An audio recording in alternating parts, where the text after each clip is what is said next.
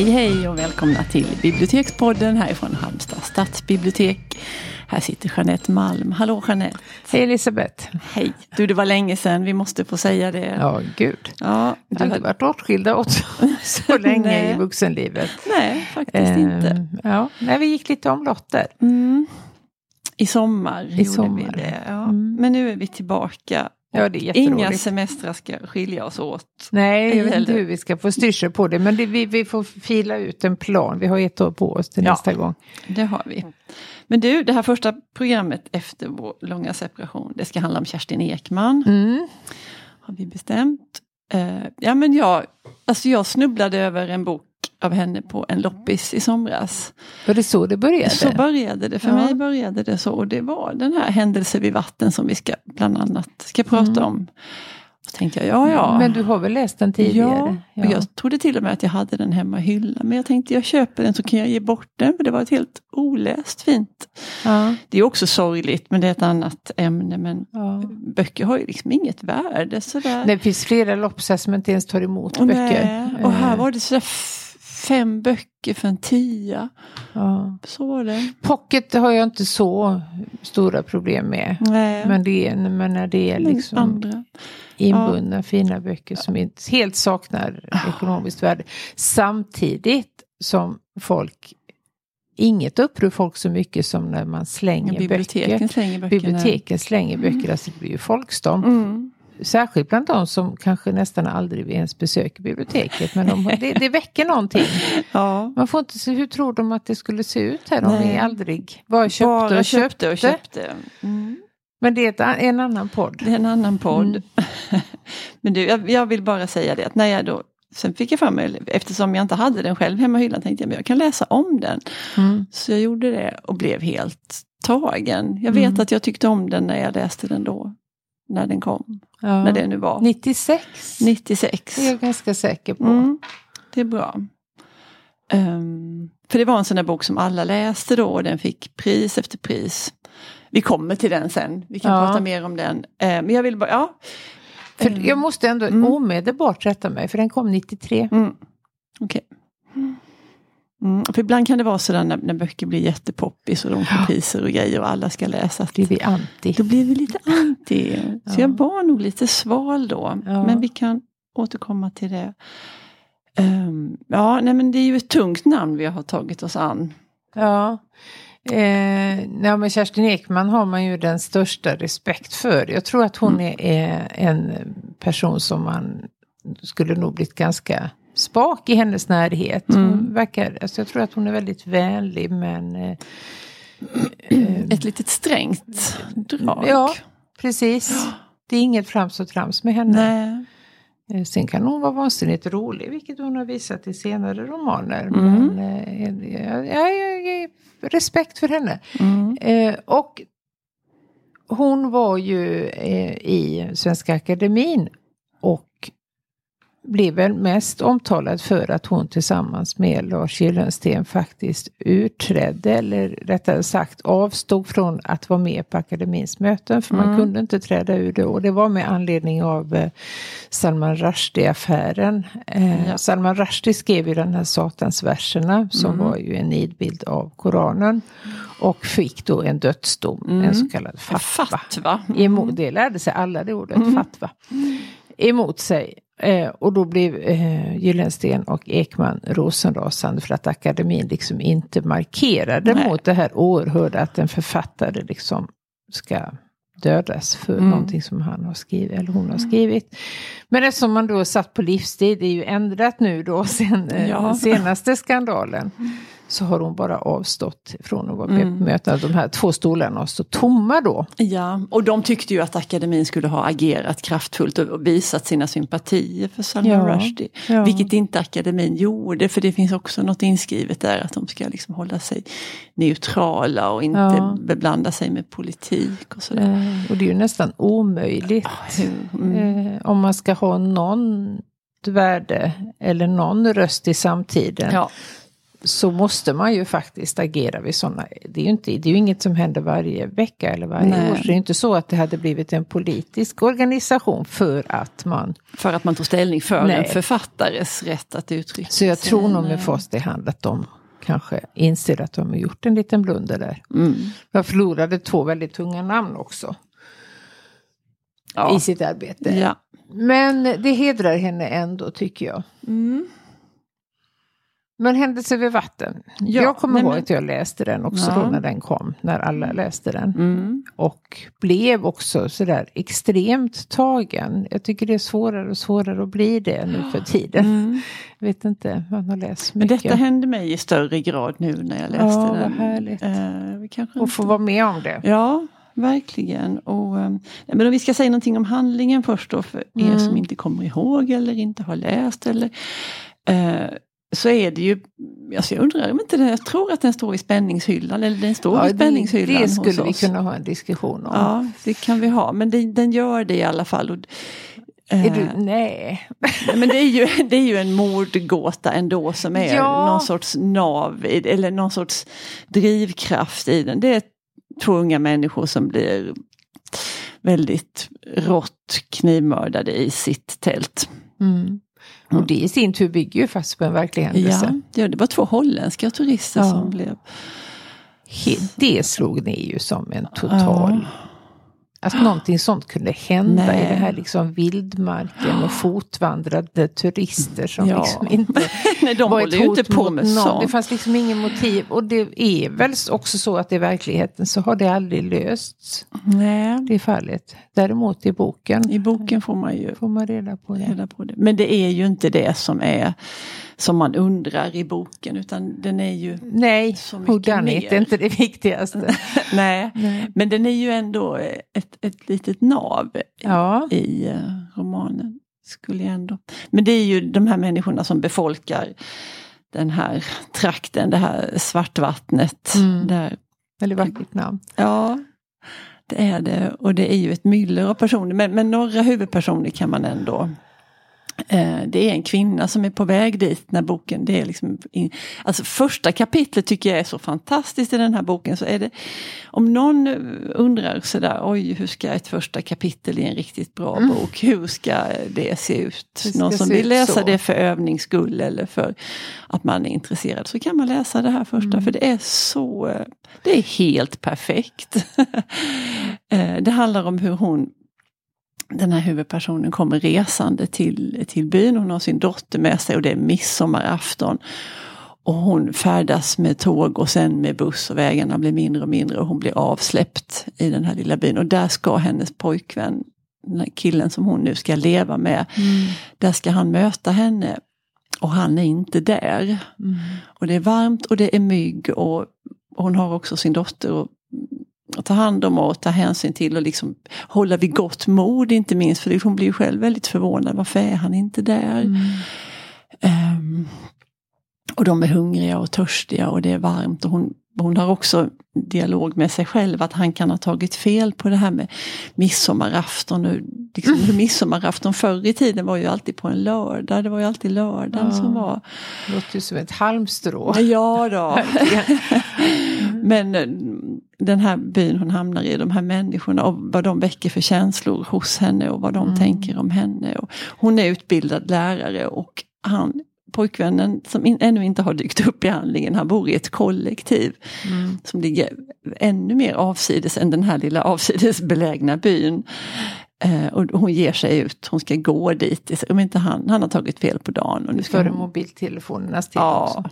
Tänk så mycket lättare. Men Så svårare mycket. att skriva en Ja. bok kanske. Nej, men är den perfekt för att hon liksom ger en ingång då till vad som ska komma? Ja. Att hon sätter stämningen? Ja, det gör hon. hon och hon Mm. antyder saker. Ja. Och, och, man blir, och, och hon är också ingen lätt person, den här huvudpersonen. Alltså man, man, känner, man sympatiserar ju med henne såklart, men hon har Mm. också ett, ett litet svårt drag sådär. Och man tänker, varför säger hon så? Varför gör hon sådär? Men, men, det, ja. men det här komplexa som vi har pratat Ja. om. Men att den väcker så mycket frågor, man vill verkligen Man veta. man läsa. vill veta Ja. hur i hela friden ska detta. Och vad är det här för kollektiv hon är på väg till. Ja. Och och, och hennes relation med dottern som är fin. Och, ja, och man förstår de här umbäranden alltså, som hon ställs inför när hon ska vandra iväg. Och sen så får man också träffa andra personer i den här byn och det är en, en läkare som man känner väldigt mycket sympati för och en polis. Så mm. småningom de här två. De är ju äldre än vad hon är, eh, lärarinnan. Där. Eh, och, ett, och ett myller av andra personer och konflikter mellan olika familjer och mm, ja, många unga män som, som eh, ja, det har ju blivit en hel genre det här nu med liksom Norrlands mm. romaner där det är väldigt, väldigt komplicerat allting. Det finns liksom ingen lätthet Nej. i att leva där som det skildras i litteraturen. Nej, det Utan det är väldigt tungt mm. och det är mycket missbruk och det är mycket ensamhet, ensamhet och det är um, incest och det, alltså mm. om man ska läsa dem liksom som en beskrivning av en landsända så mm. verkar det ju helt fruktansvärt. Mm. Eh, jag tror inte jag läst en enda roman där det liksom är en annan Gött ton. och sköj. Ja, nej, men det behöver det ju inte vara. Men just att alltså, ett extremt liksom svårmod och mm. tungmod. Och, mm. Sen vet jag, jag har inte läst alla de här böckerna men man tänker att hon kanske Nej, hon var ju absolut inte först med det. Det var ju Sara Lidman och alla mm, de här. Mm. Mm. Nej men jag kommer ja. ihåg en händelse som jag starkt kommer ihåg från den här boken. Det är ju den här pojken som firades ner i en brunn ja. av sina mm. brorsor. Mm. Mm. Det var ju svår, eh, svårt. Han är ju också en viktig person ja. den här unga svårt killen. Svårt att läsa som, om. Ja. För han, han har flera syskon och han det var väl en eh, ål där nere? Ja precis. Och, de är jätte, och han har lite läshuvud och han är lite annat. Och han har inte samma pappa som de andra bröderna. Tror han, ska jag säga. Ja. Eh, så han känner sig väldigt utanför och ensam. Och, ehm, och det, har varit, det har varit ett slagsmål hemma på hans gård. Eh, hans pappa har slagits, det är också någonting som händer där i början. Hans pappa mm. har, har en gammal sån här nedärvd träta med, med en granne. Och ja, det, det, är, är jätter som... Och det, ärvs igen. Ingen kommer ihåg vad det handlar om. Precis. Men, Men man hans, vet att man hans, är Den här killen som hamnar i brunnen, hans pappa har stängt av en väg för en, ja. en granne där som inte kan ta sig fram och det blir slagsmål och pojken blir vittne till det här slagsmålet. Och han Eh, och så vill polisen prata med honom och det får de och sen är han jätterädd att han har skvallrat på sin styvpappa där och att, alla är, att han måste fly hemifrån. Och, och, och, han är också jagad av de här bröderna han har och de hissar ner honom i en, och den är en fantastisk skildring av ja. här, hur han sitter i den här nästan torrlagda brunnen, annars mm. hade han ju drunknat men där är ju fuktigt mm. på botten. Och Alltså det är så äckligt och det är ju ja. mitt i natten och det är ju lite ljus för det är midsommar eh, som når ganska långt ner i brunnen när han hittar den här ålen mm. där. Och hur han först tänker trampa ihjäl den men mm. att han sen på något vis känner någon sorts, så han tar med sig, han tänker ut ett sätt att ta sig upp ur brunnen. Mm. Den är ju helt fantastisk den skildringen. Ja, det är en scen som sitter kvar, ja. alltså 24 år senare. Ja. Det måste ju betyda ja. någonting. Jag har faktiskt läst om boken också. Mm. Men det, även, även min omläsning är länge mm. sedan. Och någonting som, som, som jag tänkte på när jag läste den nu det är hur att hon är så sinnlig, att det mm. är så mm. mycket sensualitet i den här boken som jag inte riktigt kom ihåg eller Nej. kanske fäste mig vid då. Eh, på flera sätt, både liksom rent men, erotiskt, eh, många skildringar av, mm av sexualitet men också här, liksom andra sinnligheten med, med struktur och hud och tyg. Och, mm. uh, ja. Där är, hon beskriver en, jag letade efter det stället i boken men jag hittade inte det, men hon beskriver en person. Uh, och, och det, det, är någonting med att, att, att det är något obehagligt med honom uh, som hon beskriver och att titta, att det är lite förbjudet att titta på honom för det är som att titta ner i, i en kängurumammas ficka. Mm. Den här mm. som hon har på magen där ja. barnet är. Ehm. Det blir för intimt. Det blir alldeles för intimt. Ja. hur, hur, hur hon med ganska få ord. Ja. ja. Men den är så, med få ord så beskriver man kan precis känna det där, åh jag vill Mm. inte titta på den mannen. Mm. Nej, men med den här romanen så blev hon ju en av de stora svenska författarna. Mm. Eh, på, och samtidigt folklig får man Ja, ju säga. För exakt. hon började ju ändå sin bana med att skriva ganska enkla deckare. Mm. Eh, och det är ju inte så vanligt att man liksom går den vägen Nej, till att bli en liksom, erkänd prisbelönt författare. nej. Jag har inte läst de här tidiga deckarna. Men jag tror att jag har gjort det. Mm. Eh, vad hette de? Det? Mörker blåbärsris ja. Och flera av hennes böcker är ju också filmatiserade ska vi säga. Det är ju den här Händelse vid vatten också. Ah. Eller håller den på att bli det? Ja, Jag vet inte. Inte. jag har ingen aning. Jag säger att den håller på att filmas. Ja, Ja, vi får Det skulle klippa in en rättelse om inte detta visar sig väldigt vara men jag spännande. Kan, ja. Men och, och även de här mm. deckarna som hon skrev då på 60-talet. mm. Eh, är också. Det gjorde hon ju ända fram på 70-talet. Ja. Mm. Jo men just det där att, hon är, att det är en sån fantastiskt bra författare och att hon är läst. Och det här, när man ska tipsa om böcker så kan man liksom alltid för de är ju inte svåra så om folk har en föreställning om att akademiledamöter skriver svårt. Nej. Så gör hon ju inte det. Nej. Det är ju den underbara blandningen av Ja. att det finns ett mått av lättillgänglighet och samtidigt så är de ju så förtätade Ja. och litterära och bra. Ja, Men hon har ju också eh, skrivit ett gäng andra romaner och Mm. fackböcker som vi... det har hon. Du, Jag har en lång lista här. Mm, och den, har vi Jag kommer ihåg för Mm. några år sedan att hon skrev en jätteunderhållande bok som visade liksom verkligen hennes bredd som Mm. hette Grand Final i skojarbranschen. Ja, Vilken titel och en jätte, jätterolig bra bok där hon verkligen driver med Mm. den här trenden med autofiktion. Och om Ja. hon tyckte att det var för mycket autofiktion då så Ja. är det ju ingenting emot vad det är nu. Idag är det nästan svårt att hitta en samtidsroman som är en eh, så kallad riktig roman Mm. som inte har någon verklighets... men- och det här var ändå tio år sedan för den här Ja. Grand Final kom 2011. Ja, Så detta har ju bara eskalerat. precis.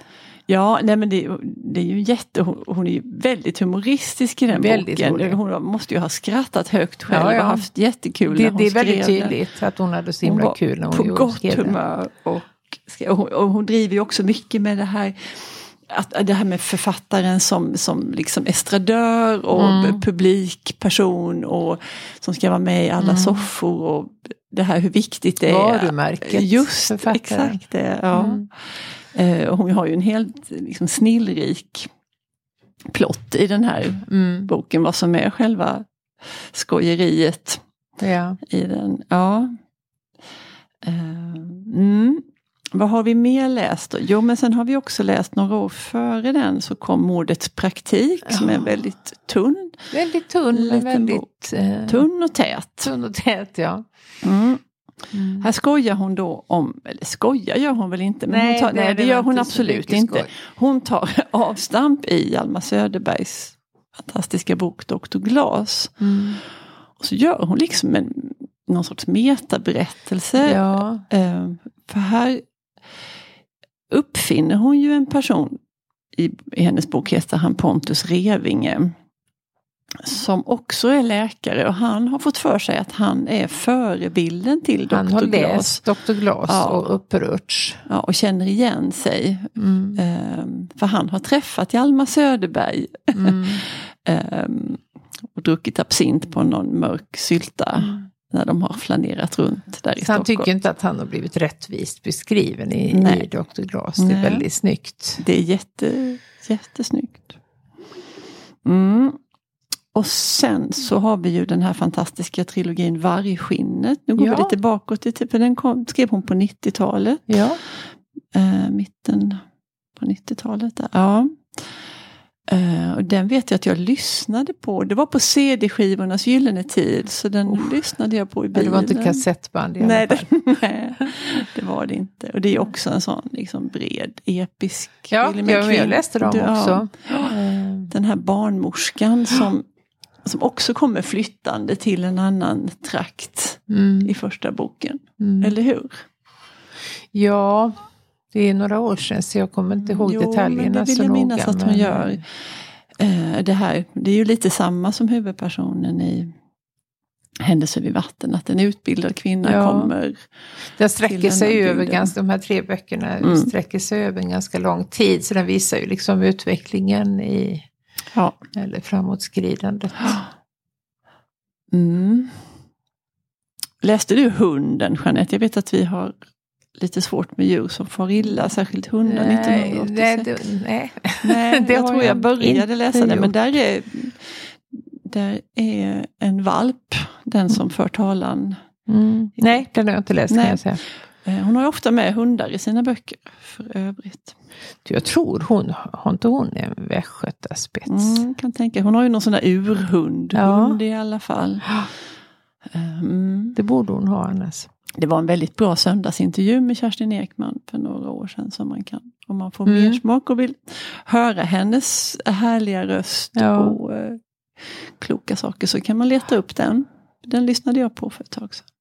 Ja, Sen har hon gjort en hel drös med fackböcker. Mm. Är vi färdiga med ja, romanerna? det kan, ja. Eh, hon har gjort många vidare. som sagt.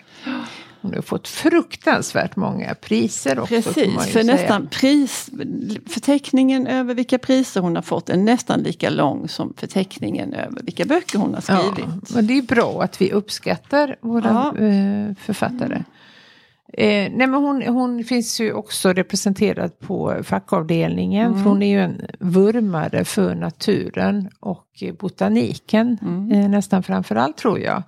Så hon skrev en bok med en sån underbar titel. Den borde nästan varit med i vår, eh, vår podd om fina... Vackra titlar. Ja, Mm. den heter Då var allt levande och lustigt. Ja, Och handlar om en lin Linnélärjunge som heter Claes Bjerkander. Och han var eh, präst och naturforskare i Västergötland. Så följer hans dagboksanteckningar och gör ett liv av det. Och är väldigt... Eh, så den är pla placerad på botanikhyllan tror jag. Eller? inte biografihyllan. Nej, ja, det kan vara så faktiskt. Jo, det stämmer nog. Mm. Eh, sen kom eh, Gubbas hage. Mm. Som också blev väldigt omtalad. Jag tror nästan alla hennes böcker, senare böcker har ju också blivit Augustpris nominerade. Det ska de bara vara, tycker jag. Ska de vara. Och Gubbas hage, hon har ju, hon driver ju själv ett projekt, eller har gjort i alla fall, med en äng som hon liksom sköter om som man gjorde med ängar Mm. eh, i alla tider, ända fram till vår eh, så kallade moderna tid. Som hon, så att hon ser till att det finns en mångfald med blommor och växter och djur och bin och allt det här. Att Mm. de, de kräver ju liksom en visst underlag för att kunna klara sig och vi i vår tur är ju också helt beroende av bina, att de kan pollinera. Och det här ser hon till och- då beskriver hon det här året i den I här denna hagen. hagen. Mm. Gubbas hage. Sen har hon precis kommit ut med en alldeles ny eh, Tullias värld som handlar om, den utspelar sig i antiken. Mm. Där tar hon också upp något kvinnoöde, Ja. Caesars hustru eller något sånt. Jag kommer inte ihåg riktigt. Ja. Eh, Så hon är ju väldigt lärd, alltså mm, har många Många intressen som hon liksom uttrycker i Mm. litteraturen. Sannerligen. Ja, och där finns ju hemskt mycket och, och vi har ju inte läst, jag har inte läst på långa vägar allt av henne. Men jag tycker att det är någonting med att man vet att det här är en bra bok när Ja. man tar någonting av Kerstin Ekman Exakt. som man inte behöver. Det råder inget tvivel om det. orolig för tillväxten av författare av hennes kaliber. Eh, kan man väl på goda grunder vara det kanske. kan man verkligen. Eh, ja, hon är född 1933 så hon är ju 86 år. Mm. Ehm, ja. Skriv på Kerstin. Ja. Mm. ja, nej men vi får lämna Kerstin men eh, oj vilket utslag det på ljudstaplarna här. Mm. Men eh, vi tackar för oss. Ja, Tack och hej. hej då. Hej.